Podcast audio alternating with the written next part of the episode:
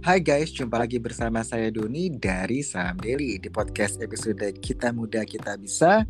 Kita kedatangan satu orang yang masih muda banget, yang profesinya ini kalau untuk di generasi Z oke okay banget, di mana uh, berbeda dengan mungkin pilihan karir dari generasi milenial. So, nggak usah lama-lama kita panggil Fernando Yose. Hai Fernando. Hai. Akhirnya datang juga nih Fernando. Oh bisa, oh, bisa ya. Oke, okay. uh, eh, Fernando, ini kan kamu terbilang under 30 kan ya? Iya betul. Under 30 atau under 25 nih? Under lah, masih 30 ke bawah kok. Oke, okay, masih jadi masih under under 25 ya, benar-benar masih muda iya. banget. Nah, ini uh, kalau aku boleh tahu Fernando ini uh, udah eh masih kuliah atau udah lulus kuliah? Udah lulus. Udah lulus ya. Oke. Okay, nah, betul. biasanya kan uh, eh kalau boleh tahu ini uh, kuliahnya uh, fakultas apa gitu boleh di-share ke kita dulu dong. Oh ya, kebetulan aku ambil jurusan itu manajemen uh, penjurusannya marketing. Oke, okay, manajemen uh, jurusannya marketing. Terus lulusnya ya. tahun ini ya? Lulusnya itu tahun 2020 kemarin. Tahun 2020. 21 21. 21 oke. Okay. Ya. Nah, uh, berarti masa-masa pandemi ya masih masih pandemi masih ya, lagi heboh-hebohnya lulus terus hmm. nah yang aku ingin tanya ini nih untuk karir sekarang kan abis lulus mau abis lulus mau ngapain gitu kan nah sekarang ini ya. uh, Fernando uh, pilihan karirnya apa nih kok boleh tahu Nah, jadi dulu itu kilas balik dulu ya. Kilas baliknya itu dulu awalnya aku tuh uh, profesinya tuh videografi sama editor sama bikin-bikin movie maker gitu buat berfilm, film-film pendek. Terus walaupun aku uh, uh, ambil penjurusan manajemen, tapi interestku juga ada di bidang sinematografi. Yeah. Nah, karena kemarin pandemi cukup hektik ya, itu benar-benar job kagak ada sama sekali, benar-benar kosong. Jadi aku langsung banting setir, lihat ada prospek di TikTok, coba-coba berbagai jenis genre aku cobain ujung-ujungnya di tahun ini aku udah fokus full di tema film gitu Nah, boleh kasih tahu nggak waktu uh, oke, okay, gue info dulu buat teman-teman semua ya untuk uh, pendengar podcast Sam Daily. Uh, Fernando Yose ini uh, TikToknya itu di Fernando Yose 99 benar ya? Iya betul. Nah, itu udah sampai 271 ribu followers. Jadi banyak banget. Dan uh, sebelum lu masuk ke segmen film tuh dulu nyoba segmen apa aja, uh, Fernando? Oh dulu banyak banyak banget karena aku dengar uh, teman aku juga bilang kalau misalnya mau mulai TikTok itu benar-benar random video. Nanti ada satu yang benar-benar naik videonya, baru tekunin terus gitu di bagian itu gitu. Makanya uh, ujung-ujungnya sebenarnya sebelumnya tuh bukan di film, sebelumnya itu pernah review review barang, pernah informasi entertainment, pernah random video, tapi ujung-ujungnya aku rasa mungkin harus ada satu niche ujung-ujungnya jadi ke uh, movie gitu. Oke. Okay. Mm -hmm. Jadi emang yang yang lebih diambil oleh market ini yang uh, review film ya. Di, jadi ketika review produk, entertainment, bla bla bla, eh jodohnya di film. Nah, ini kalau aku boleh sharing juga ya. Sebenarnya aku tuh penggila film, di mana uh, Veranda mungkin tahu kalau aku itu uh, satu minggu bisa dua kali minimal ke bioskop ya nonton gitu. Jadi emang waktu masa yeah. pandemi itu masa-masa paling berat buat aku paling beratnya kenapa? Karena nggak bisa nonton di bioskop. Jadi itu uh, tantangan yang aduh gila kangen banget sama namanya nonton di bioskop dan akhirnya larinya ke Netflix gitu kan. Jadi ke iya iya. ke Disney Disney Star nah gitu gitu nah hmm. sedangkan di Fernando ini dia bener-bener uh, dapat dapat apa kliknya itu dealnya itu di movie. Jadi memang uh, aku tuh sebenarnya jujur nggak nggak terlalu suka TikTok kan. Maksudnya ya nggak nggak ngikutin banget gitu. Mungkin karena hmm. usia juga ya Fernando ya di usia gue kayak iya, gitu iya. jarang ada orang yang main TikTok kan tapi gue uh, berusaha kayak jadi dari sosok Fernando ini kan aku ada beberapa uh, TikTok yang gue juga follow tapi uh, kebetulan Fernando ini adalah uh, bagian dari saham diri juga ya yang membernya kita. Jadi kita uh, aku melihat bahwa uh, ini unik gitu karena gue ngerti dari zaman dia kuliah sampai dia lulus kuliah dan akhirnya gue lihat nih kayak uh, profesi yang menjanjikan juga. Nah untuk Fernando kan uh, untuk generasi Z ini memang mereka uh, rata-rata Instagram itu oke, okay, tapi TikTok itu lebih yang lebih booming ya untuk untuk saat ini. Nah, ini uh, ada tips nggak buat pemula yang memang aku lihat banyak teman-teman aku yang masih muda-muda itu mereka uh, coba untuk mengadu peruntungan di TikTok gitu. Nah ini ada tips nggak buat yang masih generasi Z yang uh, selain yang biasanya kan suka ngedance gitu kan ngikutin irama lagu beat yang kita kenal di TikTok. Nah kalau uh, menurut Fernando ini apa sih tipsnya supaya bisa punya follower sampai 270 ribu nih nggak main-main sih. Nah. Oke, jadi uh, uh, sebelumnya aku mau kasih tau dulu pada saat aku dulu skripsi itu judul skripsi aku juga bahas soal perform TikTok dulu hmm. TikTok itu nggak seramah sekarang dulu tuh bener-bener interest masyarakat untuk supaya creator itu bisa terpengaruh akan sesuatu itu lebih kecil. Kalau sekarang itu udah lumayan gede dengan berbagai transformasi juga. Nah, kalau misalnya baru-baru awal banget, masih dari mulai dari nol, maksudnya mulai dari nothing gitu, cara paling uh, tepat dan cepat adalah konsistensi. Dan nggak usah terlalu mikirin orang komen apa. Nah, di sistem TikTok ini sendiri kan ada sistem namanya for your page, FYP. FYP itu sendiri itu bener-bener kayak general orang bebas bisa lihat siapa aja. Beda sama Instagram yang kadang-kadang cuma di niche followers doang. Nah, kalau di TikTok tuh bener-bener general bisa bisa tiba-tiba uh, viewsnya satu juta, 10 juta, padahal followersnya tuh nggak sampai seribu bisa aja gitu loh. Nah, paling utama itu konsisten sama bodo amat sama orang ngomong apa gitu. Oke. Okay jangan peduli sama kata orang. Benar. Nah, ini ini aku setuju juga sih karena sebagai content creator ya apa pun itu medianya mau dari Instagram, YouTube gitu ya maupun TikTok itu uh, jangan peduli sama omongan orang itu penting banget. Aku setuju banget karena dulu aku waktu buat podcast ya kayak gini itu benar-benar yang diketawain temen sendiri tau gak sih Fernando iya iya jadi kan saya bikin lu ngapain buat podcast emang ada yang dengerin lo gitu kan kenapa lu nggak mm -hmm. buat YouTube bla bla bla terus aku bilang e, uh, saat itu kalau dari kita ya dari segi saham investasi bisnis itu uh, YouTube udah banyak banget, Instagram udah banyak banget, Facebook juga. Nah kita tuh ambil uh, yang yang kita rasa kayak kayaknya untuk untuk uh, voice ya untuk podcast tuh lebih nggak nggak terlalu banyak yang main gitu akhirnya kita uh, masuk ke segmennya di podcast di Spotify lah Apple Podcast sekarang ada noise kan nah uh, untuk Fernando dengan kalau kamu uh, kamu uh, pilih TikTok langsung apa pernah coba yang di platform lain Fernando?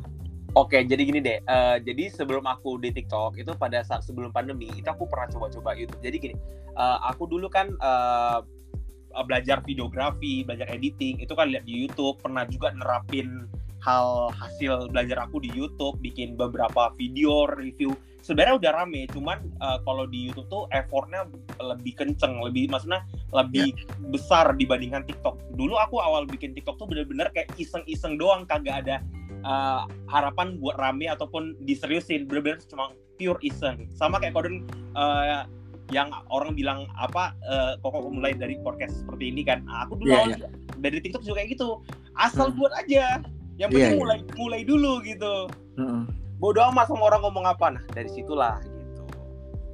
Betul betul. Jadi uh, sometimes uh, kita tuh nggak bisa uh, nentuin bahwa oke okay, kalau gue mulai dari YouTube gue bakalan sukses. Atau gue mulai dari Instagram gue bakalan sukses. Gue mau yeah. mulai dari TikTok bakalan sukses. Karena kayak udah ada jalannya aja. Yang penting lu coba. Tadi bener yang kata si Fernando bilang bodoh amat. Yang penting lu buat aja dulu. Lu gak usah mentingin masalah traffic lah bla bla bla. Mm -hmm uh, ntar kan kita nggak pernah tahu ya bahwa oh rupanya yang diminatin oleh orang itu yang kayak gini nih. Oh melalui media ini gitu.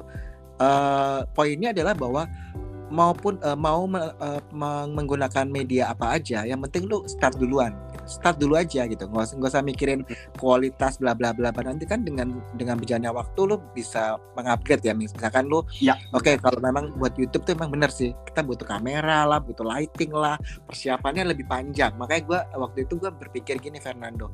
Susah banget kita untuk uh, kayak uh, kasih waktu untuk uh, take take uh, gambar gitu ya video. Sedangkan kalau kita by noise uh, by voice doang itu lebih mudah. Karena nggak terlalu menyita waktu kan mm-hmm. gitu uh, kalau di TikTok itu ya memang kalau buat aku ya mudah tidaknya itu tergantung. Karena kan udah banyak software untuk ngedit ya kan. Jadi kayak ngedit video gitu kan. Uh, itu itu uh, aku rasa TikTok dan dia lebih lebih apa ya gue bilang lebih kekinian kali ya untuk TikTok. Iya benar.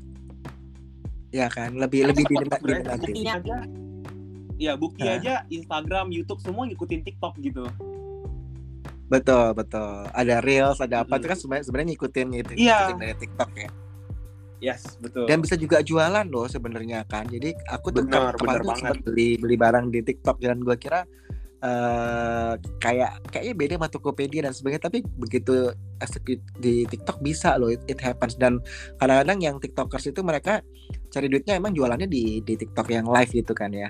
Iya, karena Nah, kalau du- TikTok live itu dia mesti mesti mesti ada ini ya eh, berapa user gitu mesti gitu nggak sih? Nah, gini kok. Jadi TikTok itu Hah? itu pertama kali mereka bikin kon sebuah aplikasi itu mereka tuh bukan bikin konsep buat sosial media.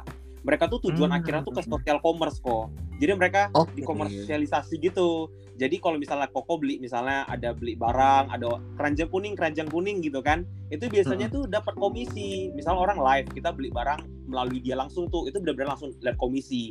Itu lebih mempermudah sih, walaupun dia sama-sama afiliasi ya, tapi modelnya itu lebih mempermudah gitu dibandingkan afiliasi yang lewat link-link gitu kan nggak semua orang belanja lewat link. Kalau ini benar-benar on the spot kita langsung beli gitu. Keren Oke. sih. Iya iya benar-benar. Gua Iya. coba sekali itu kayak cepet banget cuma tinggal isi nama, alamat, eh, terus bayar pakai GoPay selesai. Mm-mm, Gitu. Benar. Iya kan? Jadi sangat-sangat gampang banget sih. Jadi ini mungkin eh, satu hal yang memang menarik ya untuk TikTok. Mungkin untuk teman-teman usia-usia aku ya yang generasi milenial eh, boleh deh coba-coba karena sebenarnya di, konten TikTok tuh banyak banget. Jadi mulai bisnis ada dari yang Iya. eh, jualan baju ada, terus kayak Fernando yang eh, review movie itu ada. Jadi eh, dia punya range tuh banyak sebenarnya. Nanti nanti tinggal kita suka love di mana, nanti dia eh, eh, dia punya apa kita bilangnya mesin engine-nya dia itu benar-benar ngikutin kita suka apa. Iya. Nanti dia akan Betul. akan muncul di uh, page-nya kita TikTok itu gitu sesuai dengan Uh-uh. minat kita apa yang kita sukai. Nah, itu nanti akan muncul. Misalkan lu suka nge-gym, lu suka uh, love-love yang nge-gym. Nah, itu nanti akan muncul nge-gym atau lu suka yang namanya uh, hobi tanaman, hobi masak. Nah, itu akan keluar di page lu akan uh, Lebih sering postingan-postingan direkomendasikan ya. Betul. Jadi dia dia punya engine itu udah sudah didesain seperti itu sesuai dengan apa yang kita suka gitu. Nah, Mm-mm. untuk Fernando ini kan kalau bisa dibilang dengan followers yang 270 ribu ya saat ini banyak banget. Ini ada suka dukanya nggak? Eh, dukanya dulu deh. Dukanya ya, jadi gini, eh, kalau di platform TikTok itu kadang-kadang eh, misalnya followersnya segini, tapi dia beda kok, dia beda sama sosial media yang lain. Kalau sosial media yang lain, followers gitu setidaknya nggak ada ketimpangan. Nah kalau di TikTok itu beda, dengan followers segede itu bisa aja viewsnya itu nggak nggak nyimbang, jadi kayak ketimpang banget gitu, berbeda banget. Nah bedanya sama platform lain lagi, kalau di TikTok tuh bener-bener branding itu paling penting sih Hmm. gitu itu dukanya kalau misalnya creator brandingnya kurang pasti Hmm. views sama followersnya tuh benar-benar jomplang banget gitu Oke. Kalau sukanya apa ini? kalau sukanya ya kalau aku kan sebagai uh, movie reviewer jadi setiap pendapat aku misalnya soal movie soal hal-hal tertentu tuh lebih didengarkan atau setidaknya tuh viewsnya banyak kalau views banyak artinya banyak yang interest atau enggak banyak yang melakukan komen share kontennya gitu-gitu Oke. Terus kalau ini sebagai pilihan profesi gitu ya, itu eh, bisa nggak sih untuk hidup gitu?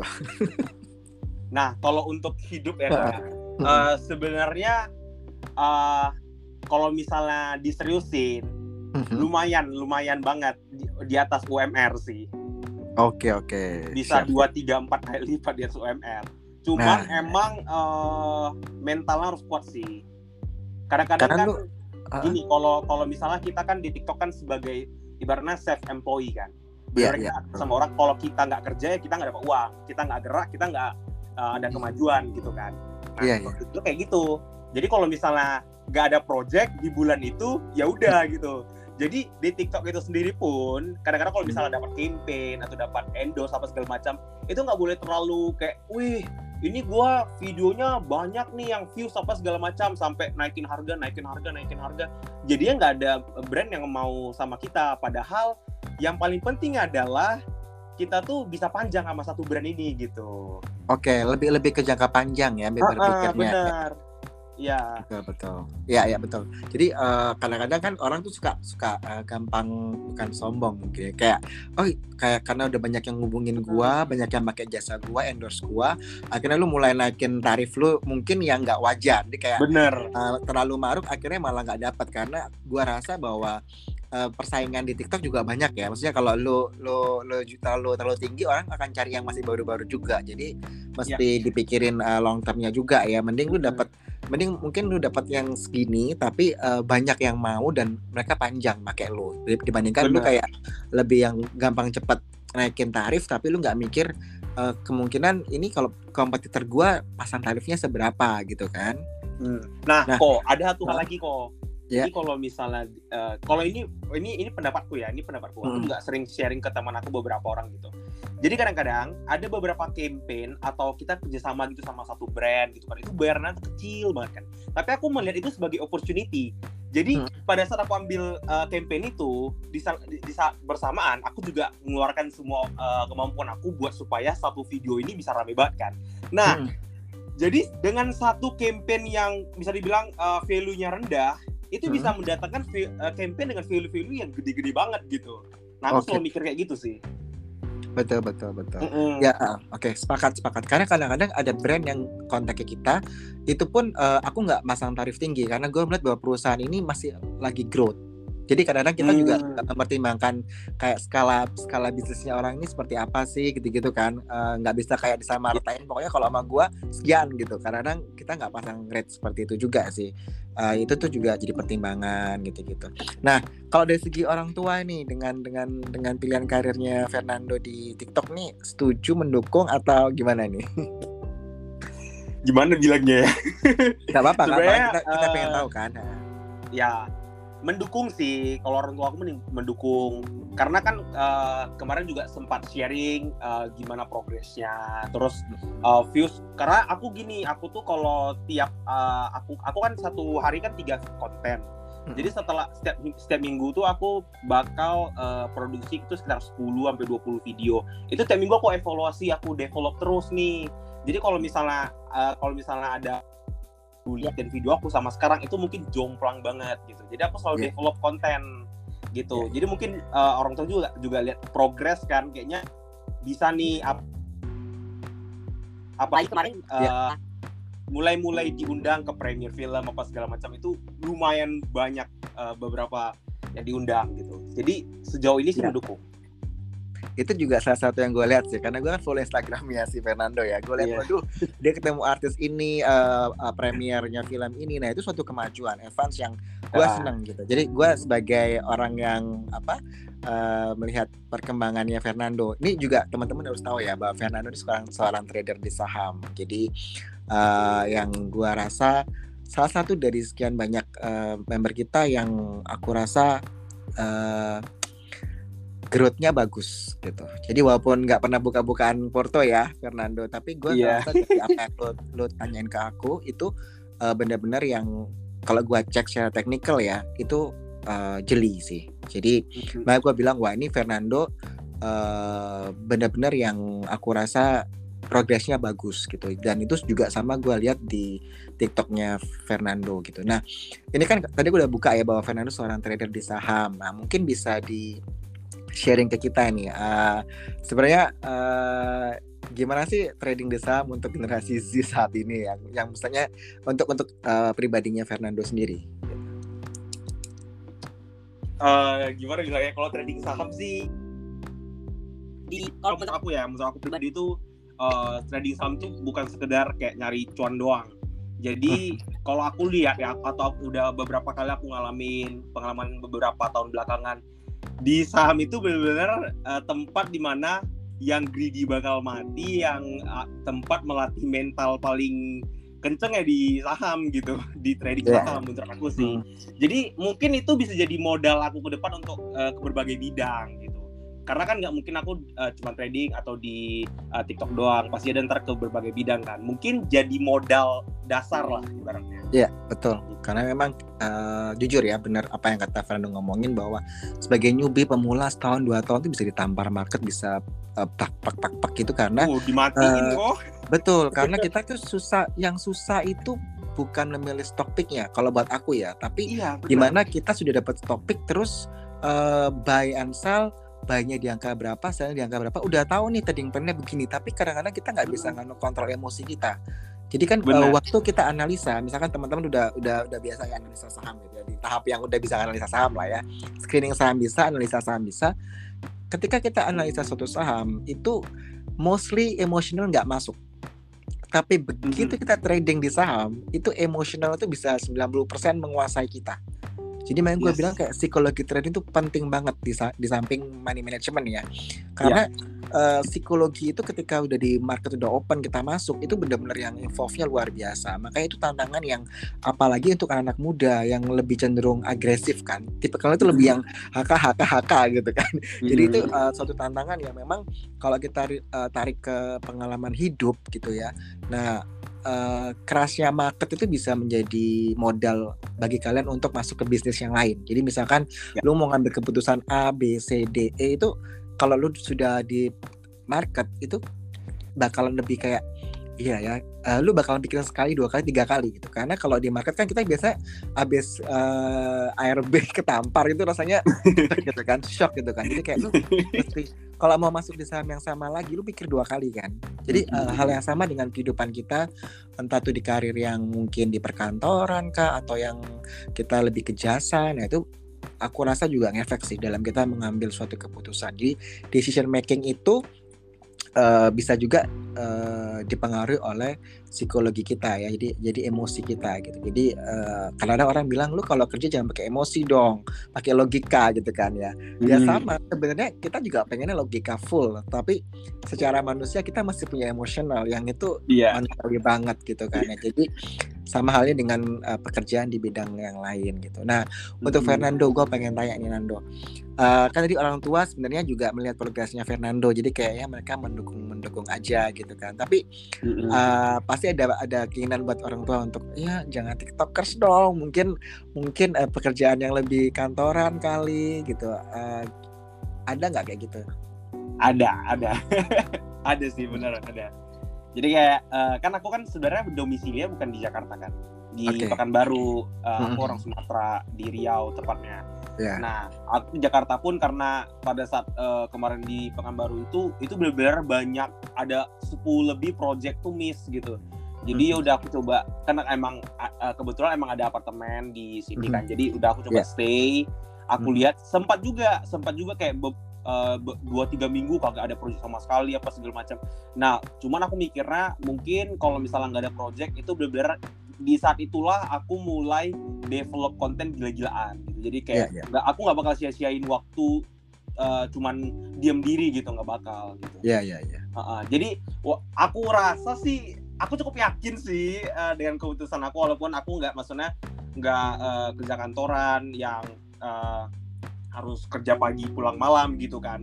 Ya ya emang sih maksudnya gajinya pasti dapat ya bulan apa segala macam. Cuman Hmm. eh, aku kayaknya lebih demen yang agak gonjang ganjing dikit gitu Tapi eh, ini gini ya, aku, aku ingat salah satu youtuber yang gua suka follow itu David ya, David Gadget In yang oh ya handphone Ah. ya.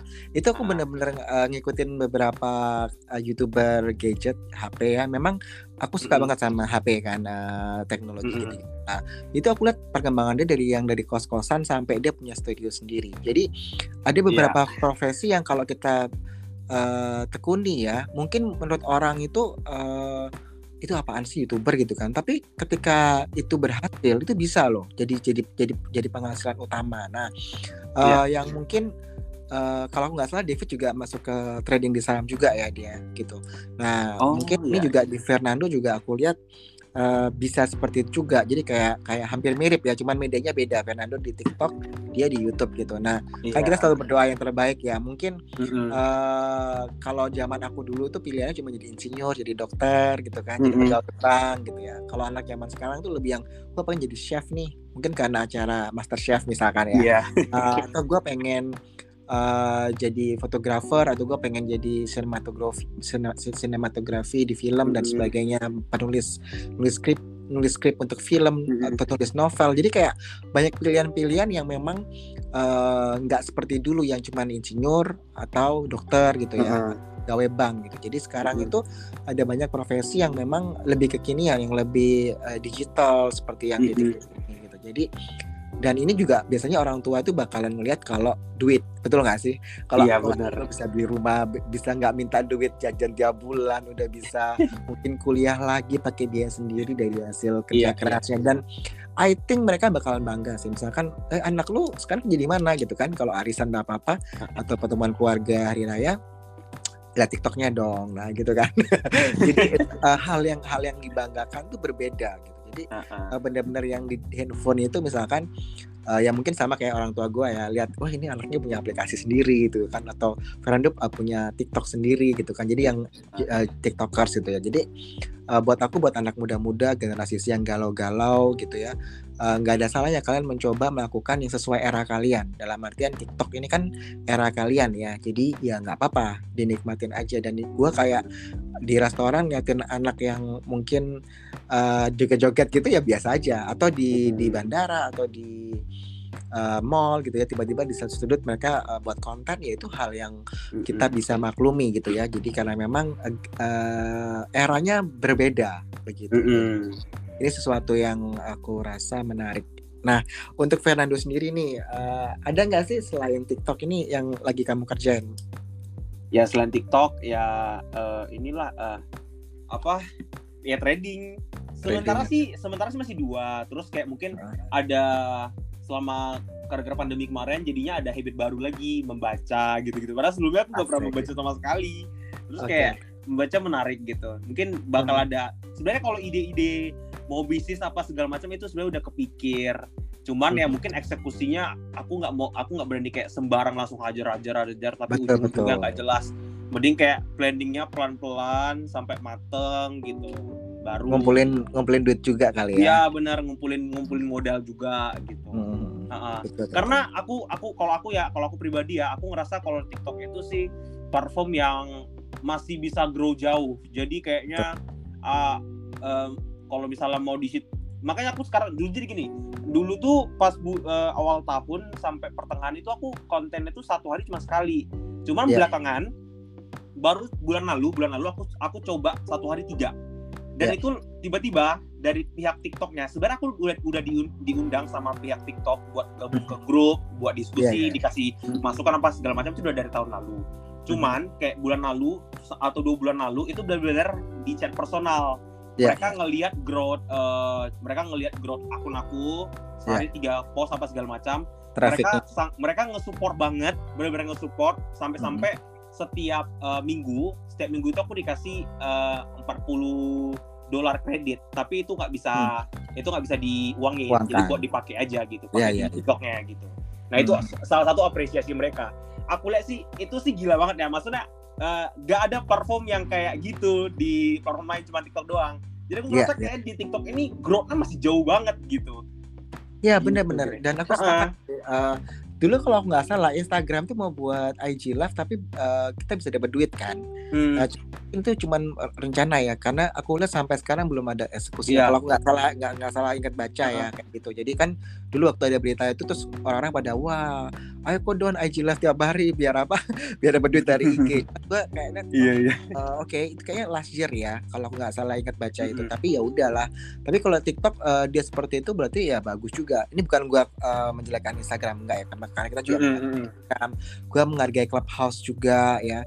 Terus kayak kesempatan Ya. itu ya datang dengan sendirinya. Dulu kayak eh, kita start Clubhouse mulai buat eh, saham daily itu kita sama Irangga ya buat saham lucu-lucu.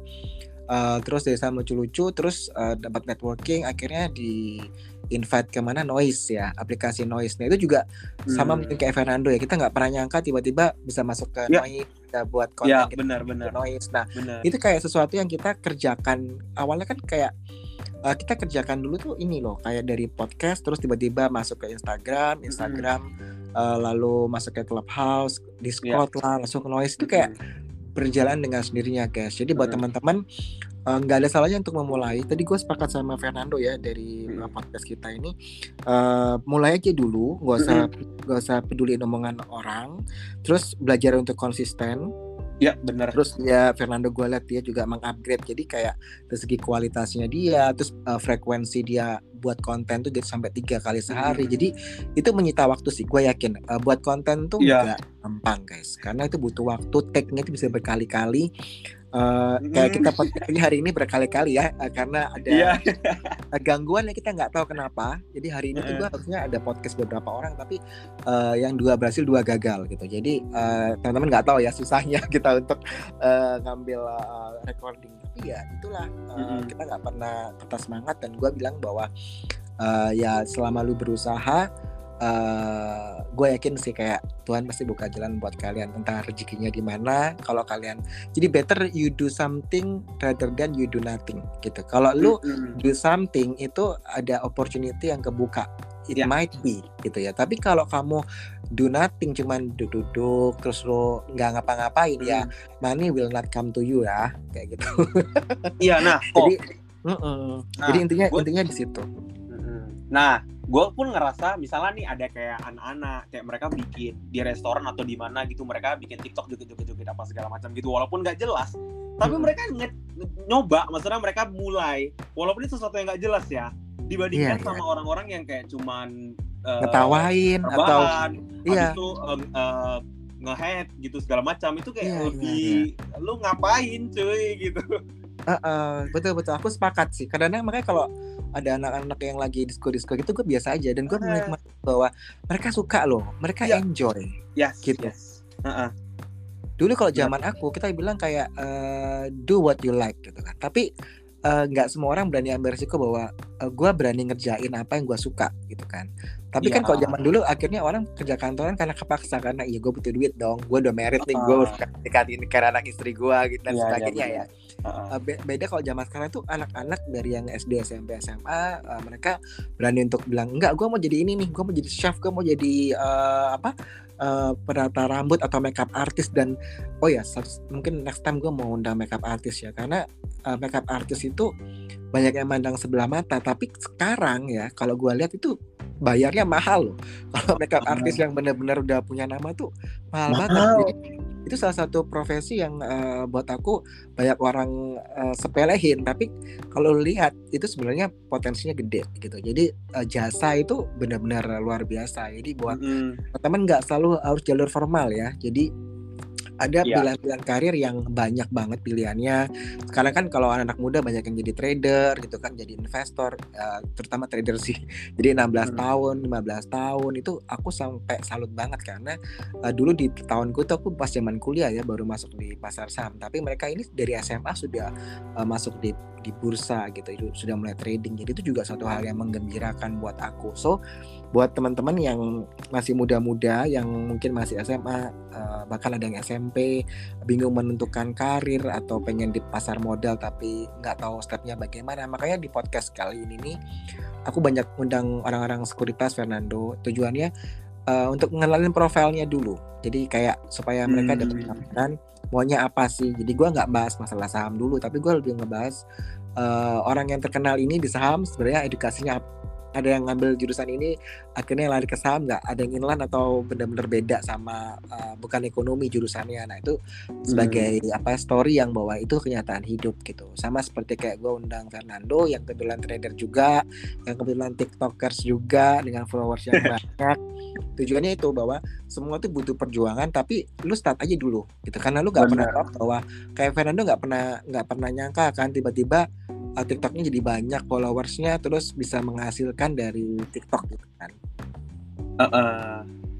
Hmm. Sampai nggak nyangka tuh kan awalnya juga uh, awalnya tuh nggak nyangka sih sebenarnya sampai di premiere awalnya bikin uh, film karena emang demen demen aja gitu bahas film maksudnya dibandingkan aku bahas yang lain bikin video random yang lain itu kayak hmm. aku nggak ada interest gitu karena emang dasarnya kan backgroundnya kan movie maker sinematografi yeah, yeah. editing itu kan satu compact movie gitu kan jadinya yeah, kayak yeah. pada saat aku nyari informasi soal movie saat aku bikin video saat aku syuting pre pro post production hmm. movie yang apa uh, konten-konten aku bikin itu aku juga ngerasa enjoy banget gitu makanya jadi ujung-ujungnya walaupun awalnya sebenarnya yang paling ramai bukan movie loh kok awalnya hmm. paling ramai itu aku pernah bikin video itu uh, review produk itu sampai 5 juta sampai hmm. 6 juta views. Iya. Wow.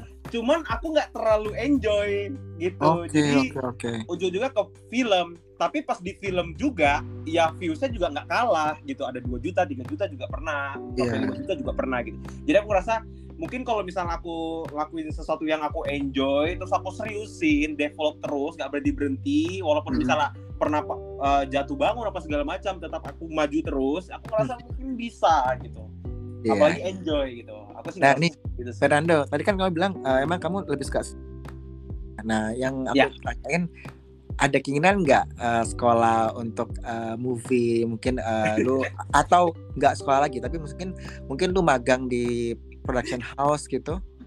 Nah jadi pada saat gini kok aku cerita ya aku aku, aku kilas balik dulu pas aku yeah, kuliah. yeah. itu kan aku kan emang uh, gabung gabung ke salah satu UKM kebetulan aku di UPH Universitas Pelita Harapan. Jadi di situ ada UKM namanya Movie Production Club. Di situ kita bikin short movie. Itu setiap uh, beberapa bulan sekali kita buat produksi film. Dan aku juga kemarin sempat juga beberapa kali ikut festival film, tapi yang masih di dalam ya, maksud maksudnya masih yang nasional. Tapi walaupun nggak menang, tapi experience-nya juga banyak uh, di situ. Pernah juga di dalam uh, komunitas juga pernah juara satu dua tiga juga pernah. Mhm. Dan seperti sama yang kok Don bilang kenapa uh, ada rencana nggak ke ini. Nah kebetulan juga uh, semua orang yang kebanyakan orang yang di jurusan aku juga pada nanyain, lu mm-hmm. udah bikin film apa segala macam, kenapa nggak mau uh, ke DKV atau mau ke sinema apa segala macam? Iya yeah, iya. Yeah. Gitu. Nah dulu pada saat aku SMA itu emang sering, maksudnya aku dulu di, pada saat SMA aku dipercaya untuk dokumentasi kegiatan uh, selama SMA terus ntar uh, videonya ditampilin pada saat perpisahan.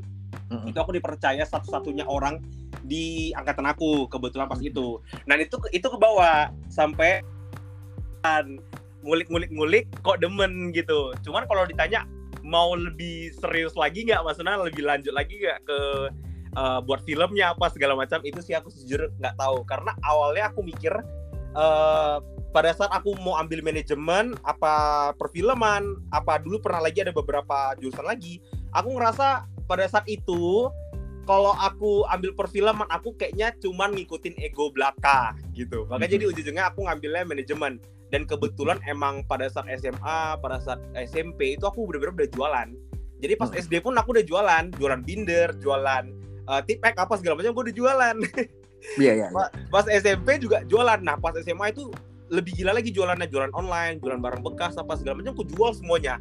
Nah, aku ngerasa mungkin manajemen lebih cocok gitu karena aku kalau kadang-kadang kalau ngomong gitu juga kayak orang marketing kayak okay. misalnya aku suka satu barang aku hmm. kadang-kadang suka kayak over gitu mempromosikan padahal kagak dibayar atau segala macam emang udah kebiasaan Jiwanya gitu ya. nah okay. makanya aku rasa kalau misalnya kemarin ada ada dua jalur mau perfilman apa uh, manajemen kalau aku ngerasa pada saat itu perfilman aku nggak ada modal nih kagak ada modal terus nggak terlalu disupport pada saat itu Iya, iya, iya. Kan lebih disupport. Nah, aku hmm. ngerasa udahlah perfilman kayaknya aku kalau misal masuk ikutin ego juga. Dan aku juga nggak bisa gambar nih. Nggak, iya, iya. Gak, maksudnya nggak punya kemampuan itu. Nah, jadi ujung-ujungnya aku masuk manajemen gitu. Nah, tapi oh. kalau misalnya posisi sekarang kayak yeah. mau lanjutin uh, jadi movie maker, maker atau uh, lebih ke profesional pas segala macam, aku juga masih abu-abu sih antara mau atau enggak. Tapi kadang-kadang kadang-kadang aku ada rasa kayak rindu juga pengen eh buat movie dong gitu. Ada juga rasa kayak gitu kok nggak apa-apa. Uh, ini kan yeah. perjalanannya. Kamu masih under 25 ya? Jadi buat iya iya benar uh, kita nggak pernah tahu. Mungkin lima tahun lagi kita bicara kamu udah jadi penulis uh, skrip. Ada no mungkin kamu jadi asisten sutradara. Kan banyak kayak film-film indie. Dulu yeah, zaman yeah. tahun 2000 uh. sebentar. Setahu aku tuh 2018 2015 itu udah mulai film-film 2015 kayak itu film indie iya. luar biasa ya. Uh, setelah itu menghilang menghilang menghilang gitu kan. Tapi yeah. Iya. uh, buat aku eh, nggak uh, ada salahnya sih karena begitu kamu di TikTok kan kamu lebih bahas ke film ya jadi mm -hmm. mungkin mungkin ya ada kesempatan untuk magang atau lu ketemu ketemu sutradara terkenal waktu premier and then dia covering itu kan kita nggak pernah tahu kan nasib yeah, orang yeah, kan masih under 25 uh, jadi Betul. itu hal-hal yang menurut aku uh, dengan networking dulu aja dijalanin uh, uh, biasanya setelah networking jalan tuh ada kesempatan. Jadi kita Benar. kita kita nggak pernah tahu. Bahkan ya. kayak kalau di clubhouse ya ini contoh ya contoh. Gue nggak pernah tahu uh, namanya orang yang punya production house. Kayak misalkan Tony.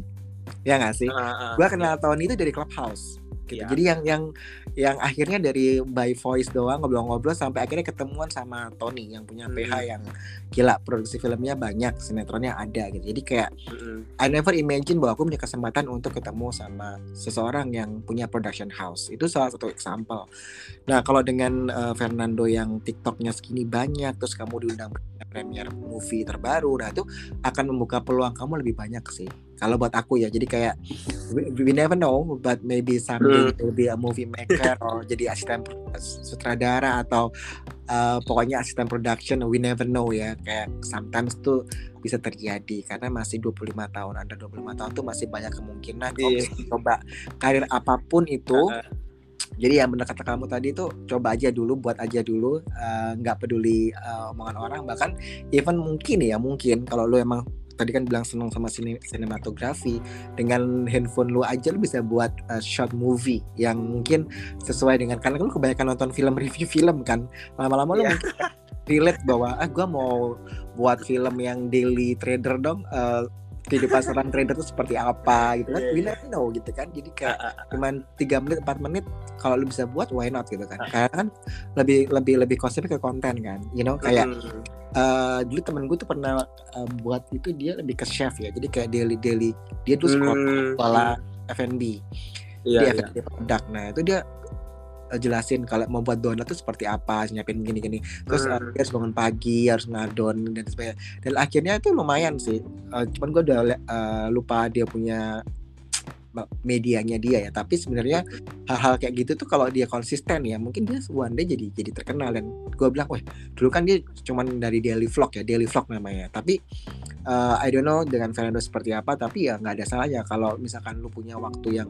satu hari lu tiga konten udah capek banget ya. Tapi mungkin kalau lu kan lu bisa buat something yang mungkin eh, gimana sih kehidupan seorang content creator dan sebagainya. Dan eh, it can be a good movie also ya walaupun Hmm. mungkin nggak kepikiran tapi ideas itu penting sih gitu Hmm. jadi sometimes gue juga kayak dulu eh, iseng-iseng ya tiba-tiba eh, oke tahun ini gue harus buat aplikasi misalkan itu tuh awalnya iseng-iseng Fernando Iya, Jadi- iya.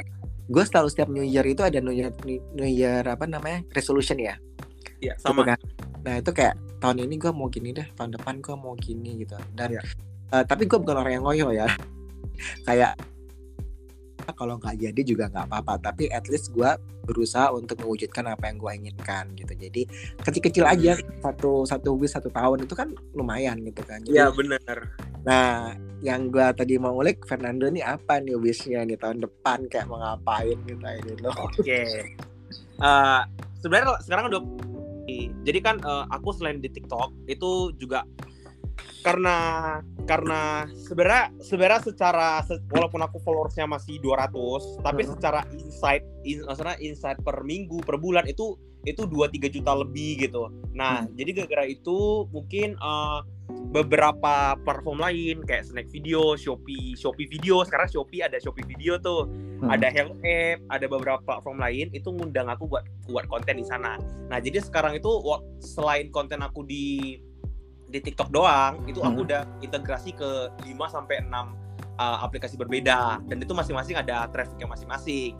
Nah, mungkin kalau misalnya wish ke depan nih, wish ke depan atau aku sih uh, berharap sih pengen jadi platform movie yang cukup gede di Indo. Selain itu uh, mau jadi kayak review tujuannya sih reviewer film ya. Maksudnya Iya. kalau di kalau misalnya Kodon lihat juga kalau di luar negeri itu banyak tuh website-website atau ya, enggak ya, ya. beberapa beberapa platform itu yang gede-gede banget mereka nge-review filmnya tuh benar secara gamblang.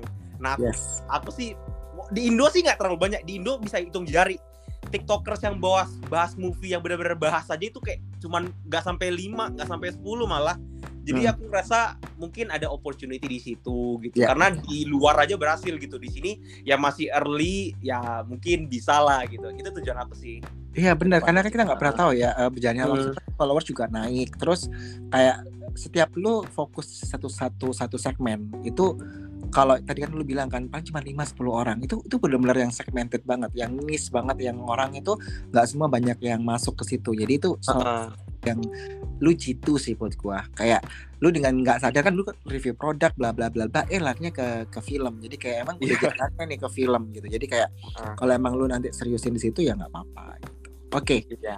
Ini sudah cukup lama podcastnya. Ini nggak nggak nggak nggak uh, sadar ya bahwa udah 40-an menit. So uh, thank you banget buat Fernando. Uh, udah kita ambil waktunya, meluangkan waktu buat kita. So saya Doni dari Daily out. Bye bye. Bye bye kok. Thank you.